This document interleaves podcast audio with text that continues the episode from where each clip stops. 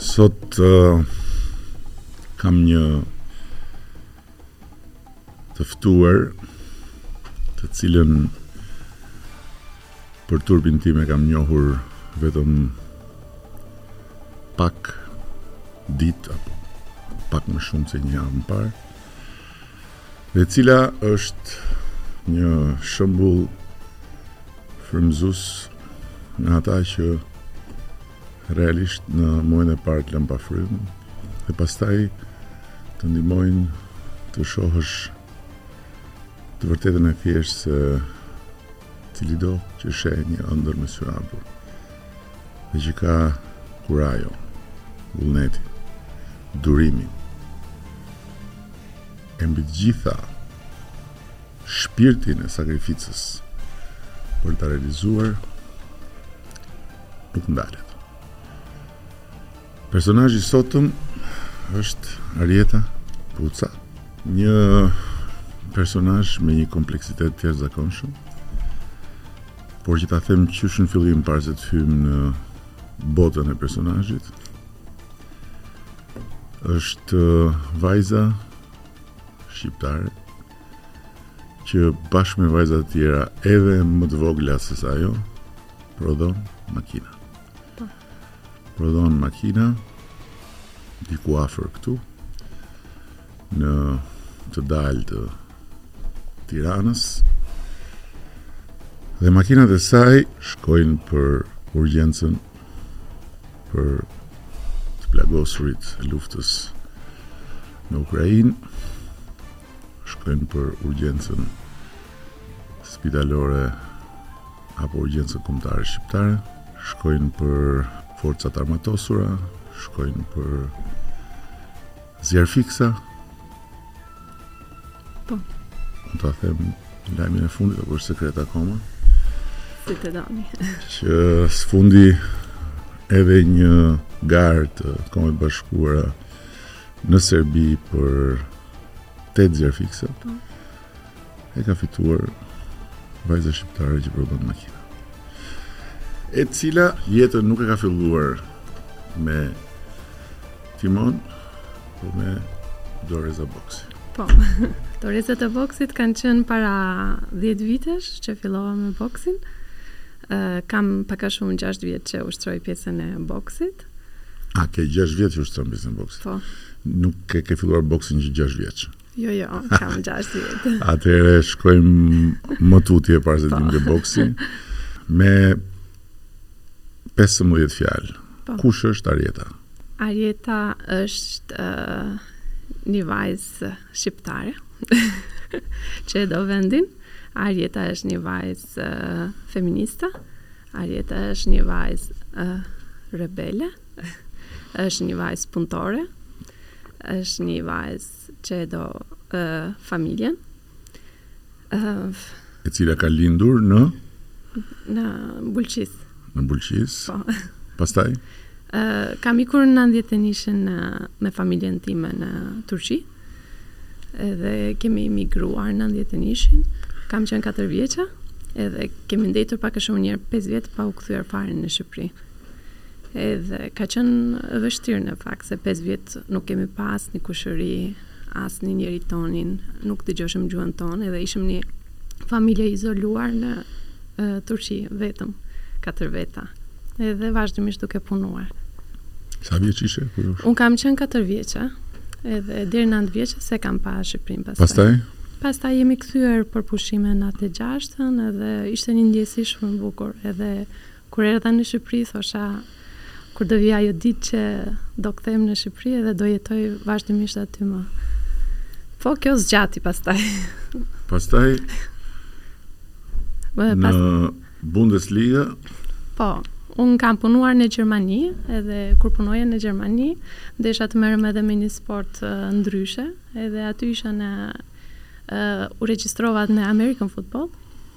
Edhe aty po po, po luaja cornerback në Bundesliga në Stuttgart për një një vit e ca. Një vit e ca. Po. Pastaj Se... rrugës kur rrugës kur po kthehesha në shtëpi, gjeta një motor. Kah Covidi, uh, kur isha këtu në Shqipëri, Po po shkoja me biçikletë te puna, edhe vazhdimisht kur kaloja me biçikletë, pashë një dyqan motori, edhe e kam pas andër përherë motorin. Edhe thashë tani është koha për ta marr motorin, kështu që u futa në një dyqan motorësh edhe thashë dua të blej motor. Edhe pronari aty tha, di ta përdorësh motorin? Thashë, jo. Tha, shko mësoje një motorin, merre patentën edhe pastaj hajde, shkova, mësova, Edhe e mora patentën edhe fillova me motorin e motorin aq shumë e pëlqeva që kam udhëtuar shumë vende. Kam ikur në Afrikë, në Amerikën e Jugut, së fundi kam qenë në Marok duke bërë solo trip me motor. Gjithashtu më pëlqen edhe motori në mal, kështu që jam regjistruar edhe te gara Rally Albania sivjet. Domethënë ku ka përplasje? Po, e vërtetë. Boks. Futboll amerikan. Po. Bum, bum, po. bum. Motor. Përplasje me erën deri në pikën ku gjërat shkojnë në fije. Po, shumë e vërtetë. Pastaj boksi. Po, edhe boksi. Po, nga të gjitha këto më shumë më pëlqen motori. Po boksi ç'ne, pse? Thjesht më pëlqente, domethënë. Kam kam një ndjesi ta them. Po. Që boksin e ke filluar kur ke marrë inat shumë një djalë që që o nuk të ndahej dhe ti nuk doje dhe të afrohej o e afrove shumë dhe pastaj rezultoi që ai s'duhet të rrinte me ty o nuk e di ka ndonjë lidhje me një djalë boksi jo nuk ka lidhje me djalë e sigurt është shumë e sigurt po pse atë Thjesht më pëlqeu si sport e provova edhe kur e provova më shijoi, kështu që thjesht më pëlqente se kam bërë më shumë si kickbox ka qenë, më pëlqente kickboxi, më pëlqente mundja. Domethënë me grushta, me shqelma, me të, po, të gjitha. Po, po. Okej, tani të vijmë tek pjesa që lidhet me ato që ti bën sot. Po. si filloi pasioni për makinat? dhe për zhvillimin e sistemeve për të ndërtuar makina? Në fakt kjo ka shumë kohë se unë jam nga një familje me dy vajza, edhe jam vajza e vogël, kështu që babai im mua më ka rritur për çun, le të themi. Edhe babai im ka qenë usta hidrauliku kur ishim në Turqi. Edhe çdo fundjavë më merrte mua te puna. Edhe unë kur shkoja te dyqani ku punonte ai, shikoja mjetet, pjesat hidraulike, edhe madje po bënte shaka se më pëlqente shumë vaji hidraulik si erë, domethënë. Edhe kështu që m'u fut ajo pasioni i mjeteve. Pastaj ë edhe vetë babai hapi një dyqan me gjithë mamin. Nga mësues muziko, uh, usta hidrauliku edhe pastaj hapi dyqanin e vet. La të dy punët pas 15 vjet emigrim. Edhe pas universitetit unë vazhdimisht punoja aty. Kështu që vazhdimisht isha me makinat edhe më pëlqente pjesa e makinave, të jashtë masë shumë. Dhe pastaj? Uh, dhe pastaj uh, çdo vit ne thonim që do kthehemi një ditë në Shqipëri, por u bë kjo gati 25 vjet. Edhe e pashë që mami babi s'merrte dot atë vendimin, unë thashë u bë si rreth vicioz edhe fiks kur isha 30 vjeç bëra datëlindjen edhe u ktheva në Shqipëri. Thashë unë do kthehem. Edhe një herë mendova që mund t'i shes mjetet që i kemi te kompania turke. Po Mbas dy viti më doli një projekt ambulancash. Edhe punova me një kompani, ajo kompani e la në mes projektin, po fatkeqësia u bë fat për mua, edhe e mësova se si bëhet ambulanca, se edhe vetë si profesion jam inxhiniere. Edhe fillova të bëj ambulanca, se klientët vinin me kërkesa prap ambulanca, pas ambulancës erdhën me kërkesa tipit makinë policie apo Berberhane, me projekte të çuditshme, edhe në të gjitha thosha po, i studioja, bashkëpunoja me specialistët, kështu që fillova të prodhoj. Kështu që është edhe punë iniciative. Po përpara që... përpara kësaj. Po. Uh, studiove për inxhinieri po. dhe ke punuar. Kam punuar në Bosch në Gjermani edhe Bosch në Japoni. Edhe aty kam punuar prapë me mjetet. Kam bërë në Gjermani kam bë pjesën e displejt të makinave, gjithashtu kam bë disa software për ndjekjen e makinave. Edhe në Japoni kam punuar për electric control units të mjeteve. Kur erdhe në Shqipëri e vendose që të hapësh derën e një fabrike, çfarë mendimesh kundër kësaj kishe në kokën tënde ose rreth e rrotull, që të thoshte mendimi ose mendimet rreth e rrotull që si do shkojë kjo punë? Mua shumë herë kur kam ardhur në fillim në Shqipëri më kanë thënë të gjithë njerëzit do të thonë që nuk bëhet. Edhe unë thashë e mora si me shaka. Edhe po që ditën e parë kur ika te noteri, hapa kompaninë, më tha bravo, po nuk do të ecë puna. Edhe u çudita m'u duk me të vërtetë si shaka. Edhe këtu më shumë ishte kjo pjesa, vazhdimisht më pyesin pse u ktheve, Nuk ka për të ecur. Edhe kur dëgjoshin që isha në kam qenë edhe në Gjermani, pse nuk i bëre letrat në Gjermani po erdhe në Shqipëri? Unë thoja, unë kam kompani këtu, ju thoni të shkoj në Gjermani edhe të punoj punoj, se s'e kuptoj logjikën. Edhe vazhdimisht këto pyetje edhe isha me të vërtetë befasuar. Do të thënë, kishte disa pyetje që preferoshin që të kesh kompaninë tënde, të jesh te shteti jot, po ti ke të punosh në Gjermani, për shembull, m'u dukshin shumë të çuditshme, po mendoj që po e ndryshoj mendimin e atyre që e shikojnë që është më mirë të rish këtu dhe të bëjsh një gjë. Po pastaj për të gjetur të tjerët rreth teje që krijove stafin, more po, punonjësit.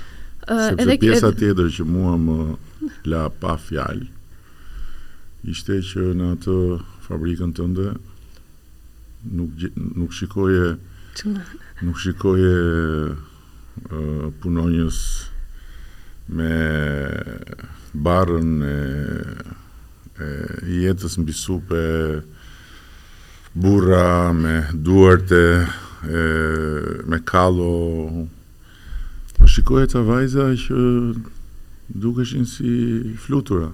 Po. ne ju kam thënë atë ditë në fakt si kompani kam dy ide, dy filozofi, njëra është të kontribuojmë për vendin e dyta është mbështetja e gocave. Ë edhe këtë e mendova, mbështetja mund të bëhet më shumë jo duke dhënë peshk, po duke mësuar se si kapet peshku, edhe kështu që bashkëpunoj shumë me shkollat profesionale, sidomos me shkollën Gjergj Canco, edhe nga aty te pjesa elektrike vazhdimisht punoj me gocat. Këtë e kam parë në fakt edhe në shtete të tjera, në Amerikë apo në Japoni që Te pjesa teknike i përdorin shumë fuqinë punëtore të vajzave. Janë edhe ma detajiste, e bëjnë punën edhe ma ma të pastër. Gjithashtu edhe bashkohet me filozofinë time në punë, kështu që bashkëpunojmë shumë me vajzat edhe duam ta bëjmë akoma më shumë pjesën që të marrim edhe te pjesa saldimi, torna, aty kemi të gjitha vajzat aty. Diskriminim total për djemtë. jo, nuk është diskriminim. Unë mendoj që uh, vajzat tona do të shofin uh, gjërat uh, që disa punë që janë dominuar nga meshkujt, nuk ka ndonjë shkencë të madhe që të dominohen nga ato, mund të dominohen edhe nga vajzat shumë uh, me sukses. Tani, në gjithë këtë që përshkrove, rreziku është që të duket sikur jeta jote ka qenë një fushë me lule. Dhe ke uh, bërë futboll amerikan, ke shëtitur me motor gjithë botën, ke bërë boks me grushta e me shqelma, je bërë pronare e një kompanie, prodhon, shet, edhe gjithçka shkon rregull. Po me siguri ka pas momente kur ke kur grushtat nga nga jeta i ke ngrënë ti. Ë nuk ka qenë fare fushë me lule dhe akoma nuk mendoj që është, po normalisht që po e bëjmë aq sa duhet. Ë e para punës të jesh në emigrim është hall me vete. dhe nga kjo, domethënë, kur kam qenë në Turqi duke punuar, unë vazhdimisht nga shkolla kam ikur duke punuar deri tre të natës. Kështu që kam qenë vazhdimisht në sakrifica. Edhe verës kur kam bërë këto punët, unë kam të gjithë kur kanë qenë në plazhe, unë kam qenë duke bërë praktikë, gati asnjë verë nuk kam bërë pushime. Domethënë gjithë jeta ime ka qenë punë në fakt. Edhe edhe në Shqipëri kur erdha, imagjinoni, keni ardhur, kam qenë 30 vjeçe, nuk e dija shqipen gati fare edhe s'kisha asnjë shoqe, isha komplet izoluar vetëm edhe po mundohesha të bëj biznes, të bëj network, të krijoj gjëra të reja, të mësoj gjuhën, të gjitha këto 2-3 vjet ka qenë shumë e vështirë në Shqipëri vetëm. Gjithashtu edhe pjesa 2020-ës për mua ka qenë tmerrësisht e vështirë. Covidi. Po, Covidi, se isha me kompani që kisha me qera, edhe pastaj deshe disa punat m'u anuluan e kështu edhe kisha e specialiste që i kisha jashtë, që deshen të bëjnë edhe ato punën edhe Ngesa jashtë më se shumë, por mbrenda disa muaj, unë uh, duke punuar edhe fort e kështu, arrita që mbrenda një viti, dy vite, atë kapanon që e kisha me qera, ta blej. Kështu që mendoj, uh, kur punon shumë, uh, me sakrificat e duhura, uh, mund të arrish të bësh gjëra të bukura, të lejon në kjo. pjesa. Po nga të vjen kjo forca e, e karakterit nga, nga babai apo nga nëna? Mendoj të dy. Të dy kanë kaluar se një, një jetë të vështirë kur e mendoj. Edhe Turqia ka qenë, imagjinoni, 5 vjet pa familje, pa asnjë gjë, vetëm pa asnjë njeri, pa asnjë mbështetje. Edhe, domethënë, në qoftë se ngelshe pa lek, S'kishte kush të të ndihmonte, nuk ishte ajo teknologjia që kemi pasur, që kemi tani. Edhe mendoj nga ato ma vjen, edhe përherë i kam parë si shembull, edhe, edhe i kam parë edhe kur kanë hapur kompaninë ato. Të dy i lanë punët, ne sa kishim filluar universitetin, ishte një guxim i paparë edhe për mua ishte një shembull, edhe thashë edhe unë do e marr këtë si guxim. Edhe kam pa këtë që në jetë nuk të mjafton thjesht të jesh i aftë apo të kesh gjëra të tjera, duhet të kesh guxim që të të ndryshosh gjërat në jetën tënde.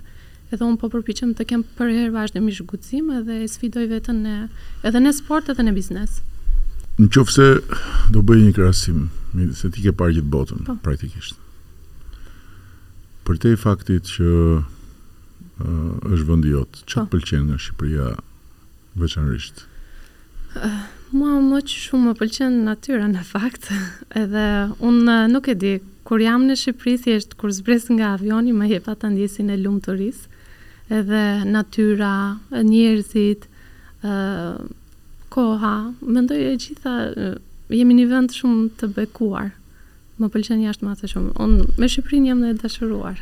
Po atyre që thonë në Shqipëri nuk jetohet, në Shqipëri s'ka bukë, në Shqipëri duhet ik një orë e më parë, Shqipëria është e mbaruar, s'ka asnjë shans, ça i thu ti? Unë them i tregoj këtë pjesën time se unë sa herë që përcjell njerëzit nga Shqipëria, jam shumë e lumtur që nuk jam ajo që ik më, se kam 5 vjet që jetoj këtu, jam tepër e lumtur. Edhe i tregoj që me të vërtetë nuk është fushë me lule, se unë kam jetuar edhe në Japoni, edhe në Gjermani, që janë vende të zhvilluar. Gjithashtu kam pa edhe shumë shtete të tjera, secili ka problemet e veta, nuk ka ndonjë shtet pa probleme apo kështu. Ë unë për vete personalisht lumturinë që e kam gjetur në Shqipëri nuk e kam gjetur në as në asnjë shtet. Se nuk është thjesht Vetëm një gjë, janë shumë gjëra që ty të të bëjnë të lumtur. Tani, uh, ajo që uh, duhet unë të analizoj dhe duhet të analizoj, me inat do të analizoj, është që ndër të tjera, ti je dhe shembulli I një suksesi pa asnjë përkrahje specifike. Unë ekzistencën tënde e kam marrë vesh para për turpin tim, para dhjetë ditësh ndoshta.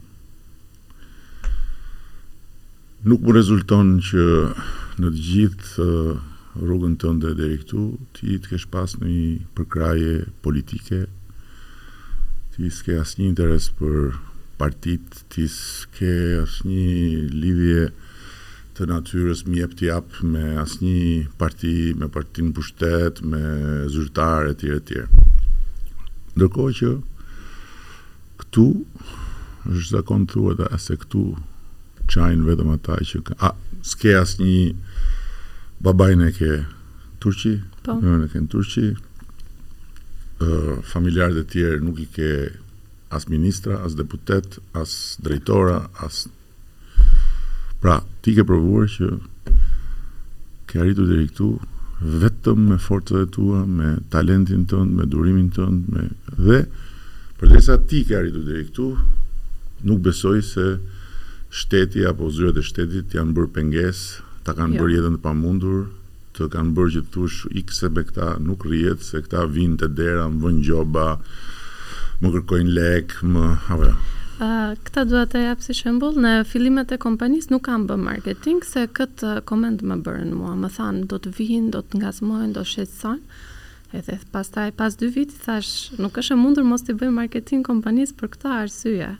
Edhe fillova të bëj marketing e kështu, edhe nuk ka ardhur askush, edhe nuk më ka ngacmuar, edhe edhe kur më pyesin njerëzit, domethënë si ka qenë kjo situata e kështu e bëre marketing, a të ndodhi problem, unë them e kam kompaninë tani gati për po bët 6 vjet, sado që 3 vjet është funksionale, Unë s'më ka ardhur asnjëherë dhe as kemi pas asnjë shqetësim. Me... Kjo është eksperienca ime personale. Ti bën dhe shumë uh, ndërveprime me doganat. Po, jashtë masë shumë. Se ne eksport import po, bëjmë vazhdimisht. Me tatimet po. si të gjitha kompanitë nuk po, ke pas asnjë po, po. problem po, me dogana me tatimet. problem, se tatimet i paguaj. Po pra, normal. normal. Asnjë s'kam pasur problem. Po normal, ankohen ata që s'duan t'i po. paguajnë ose që i kapim pa, i kapim pa paguar edhe pse duhet të thënë duhet të thënë që ka dhe ka dhe probleme me që po. mos ta bëjmë fush me lule se po, s'është po, fushë me lule. Uh, tjetra që do kisha shumë dëshirë të dëgjoja se është dhe natyra e kësaj bisede. Një episod që ti e ke, gjithë kemi episode me me prindërit, uh, uroj t'i kesh sa më gjatë. Unë, për fat të keq, ë më duhet vetëm t'i t'i ë mundem vetëm t'i thërras përmes kujtesës. Po gjithë kemi episode. Një episod me me babain dhe një me nënën. Se unë besoj që babain duhet ta kesh shumë shumë mbështetje dhe shumë Po, burim kuraje. babai ka qenë është personi që s'më ka rritur me delikatesë që fëmijë, domethënë kur ma mësoi biçikletën për shembull thjesht më shtyu edhe kjo ka qenë edhe në gjithë jetën time si si më ka trajtuar babi, nuk më ka trajtuar asnjëherë si princeshë. po si një njeri normal edhe kjo më ka ndihmuar shumë uh, për rritjen time. Ë uh, si çun domun. Edhe si çuni i munguar. Po, edhe kjo mund të jetë. Ë uh, por kjo ka qenë fati im më i madh.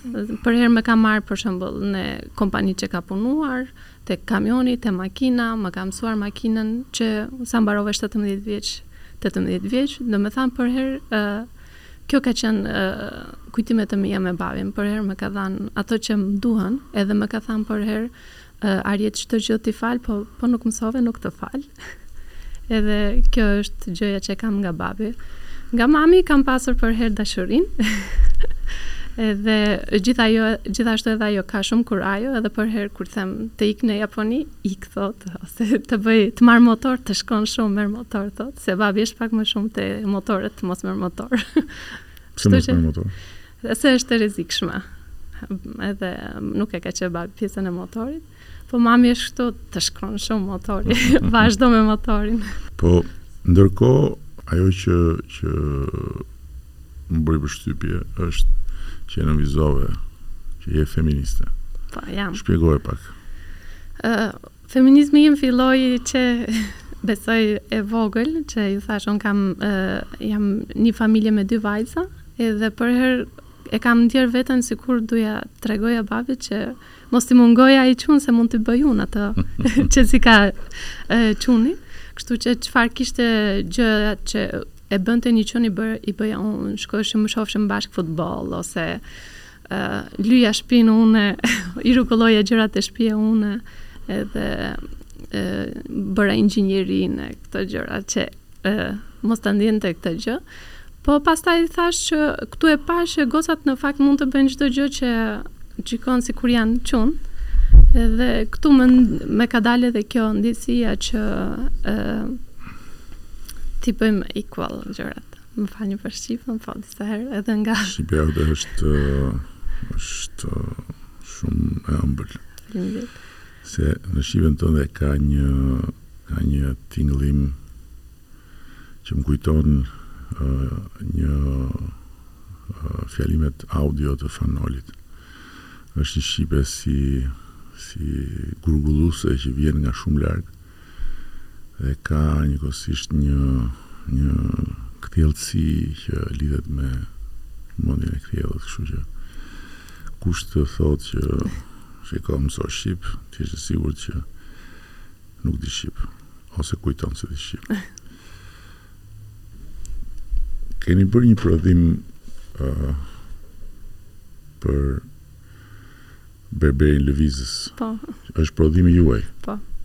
Ë ishte një ide që erdhën dy çuna edhe nga Vlora thanë ne duam të bëjmë një berberhane të lëvizshme. Edhe m'u duk vetja si në këto filmat amerikane që vijnë edhe thonë që duam të bëjmë kështu gjëra. Edhe unë e mora atë karakterin e filmit amerikan, thashë e bëjmë. edhe kështu që filluam të provojmë, i thashë që nuk kam bërë ndonjëherë berberhane të lëvizshme, kështu që ë mund të dalë probleme dhe rrugës, po do i rregullojmë. edhe ato ishin shumë okay, se kishin qejf të provojnë, kështu që filluam ta bëjmë edhe doli një produkt shumë interesante. Tani kur shkoj në Vlorë për shembull, I takoj Çimin me Xhenin edhe është një gjë shumë interesante. Ata janë të kënaqur. Ato janë të kënaqur. Dhe po. shkojnë vërdallë dhe qethin po, burrat. Po, po, sidomos në jug. Mm -hmm. Edhe gjithashtu ka pas edhe shumë interes edhe nga turistët. Kështu që mendoj ka qenë një projekt i bukur, edhe ato i përgëzoj për guximin që kishin se është edhe kjo guxim. Natyrisht edhe biznesi u ecën. Po, po, po. Edhe ishte një projekt shumë interesant. Ke pas berber tjetër që ka ardhur apo është është për momentin është Jo, edhe kam pyetur, është, edhe berber. Pjesë unike. ka momente që pyesim, po është edhe prap kjo pjesa e guximit që ta bëjmë apo mos ta bëjmë. Uh, tani vim te pjesa e fundit. Po. Por jo për nga rëndësia, mbase pjesa më e rëndësishme. Unë jam Një njeri që gjithë jetën, që i vogël, i kam pasur admirim njerëzit që bartin atë magjinë e, e ndryshimit dhe që bëjnë diferencën, po themi, në të gjitha rrugët e jetës. Dhe isha gjithmonë i tërhequr nga njerëz të veçantë.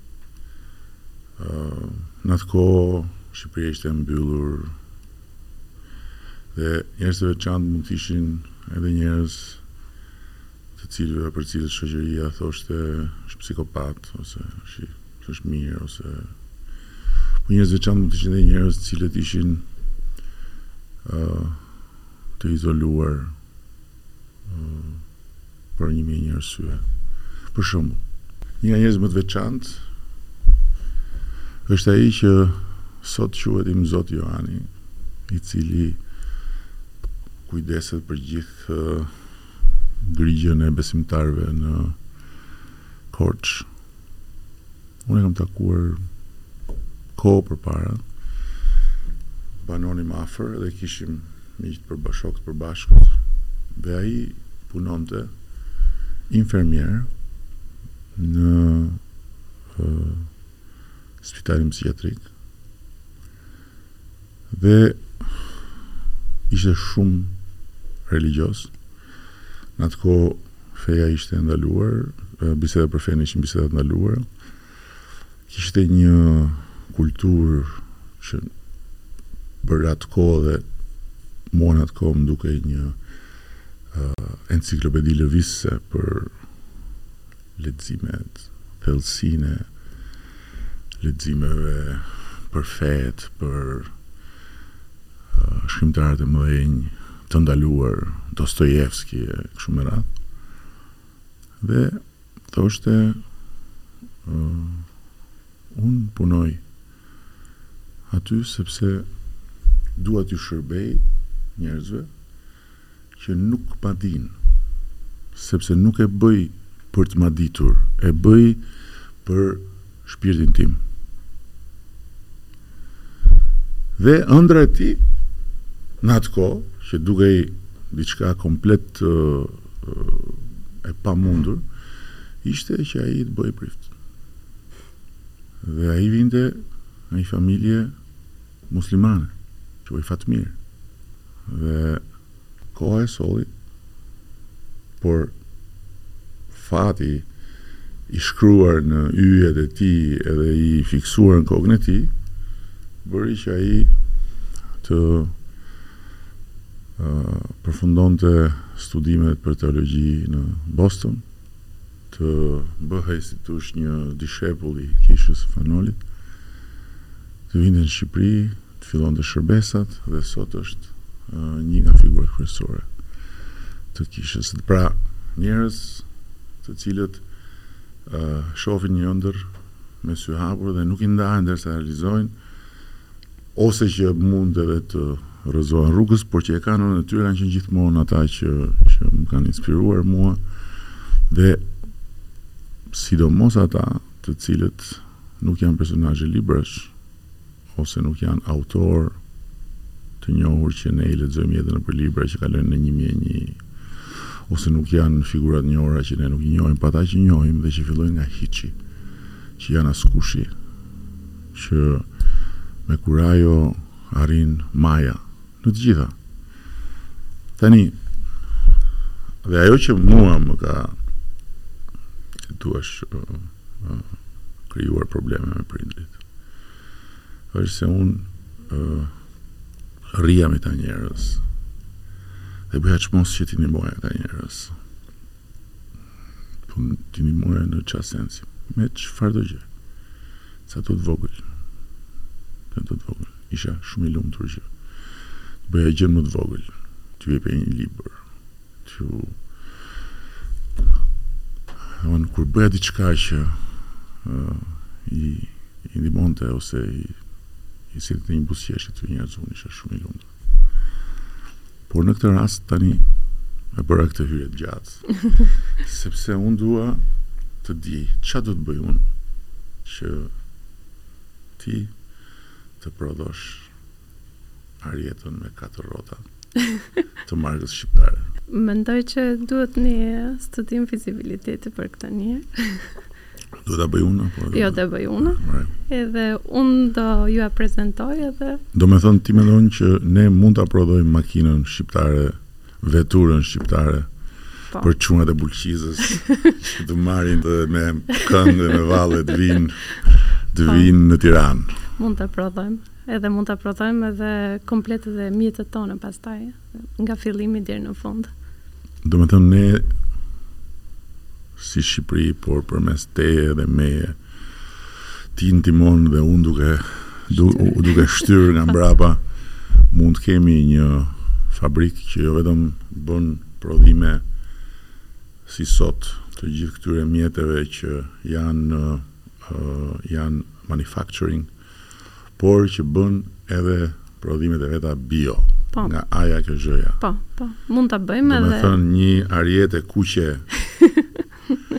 që u ofrohet çunave që dhe atëherë besoj do kenë mësu që vihet rrypi sigurisë, nuk shkelet uh, shpejtësia, Nuk pihet në timon, nuk komunikohet me celular, nuk bëhet FaceTime me shpirtin atje. po. Ne mund ta bëjmë. Po, mund ta bëjmë. S'kemë arsye pse mos ta bëjmë edhe ato që e kam bërë, ë uh, uh, nuk kam pasur ndonjë ë uh, shkencë të madhe se normalisht kur mendon edhe prodhimi i uh, mjeteve është një farë bashkim motorësh, pistonash edhe e gjitha bashkë, kështu që thjesht duhet një punim i mirë dhe pastaj mund të arrihet shumë lehtë.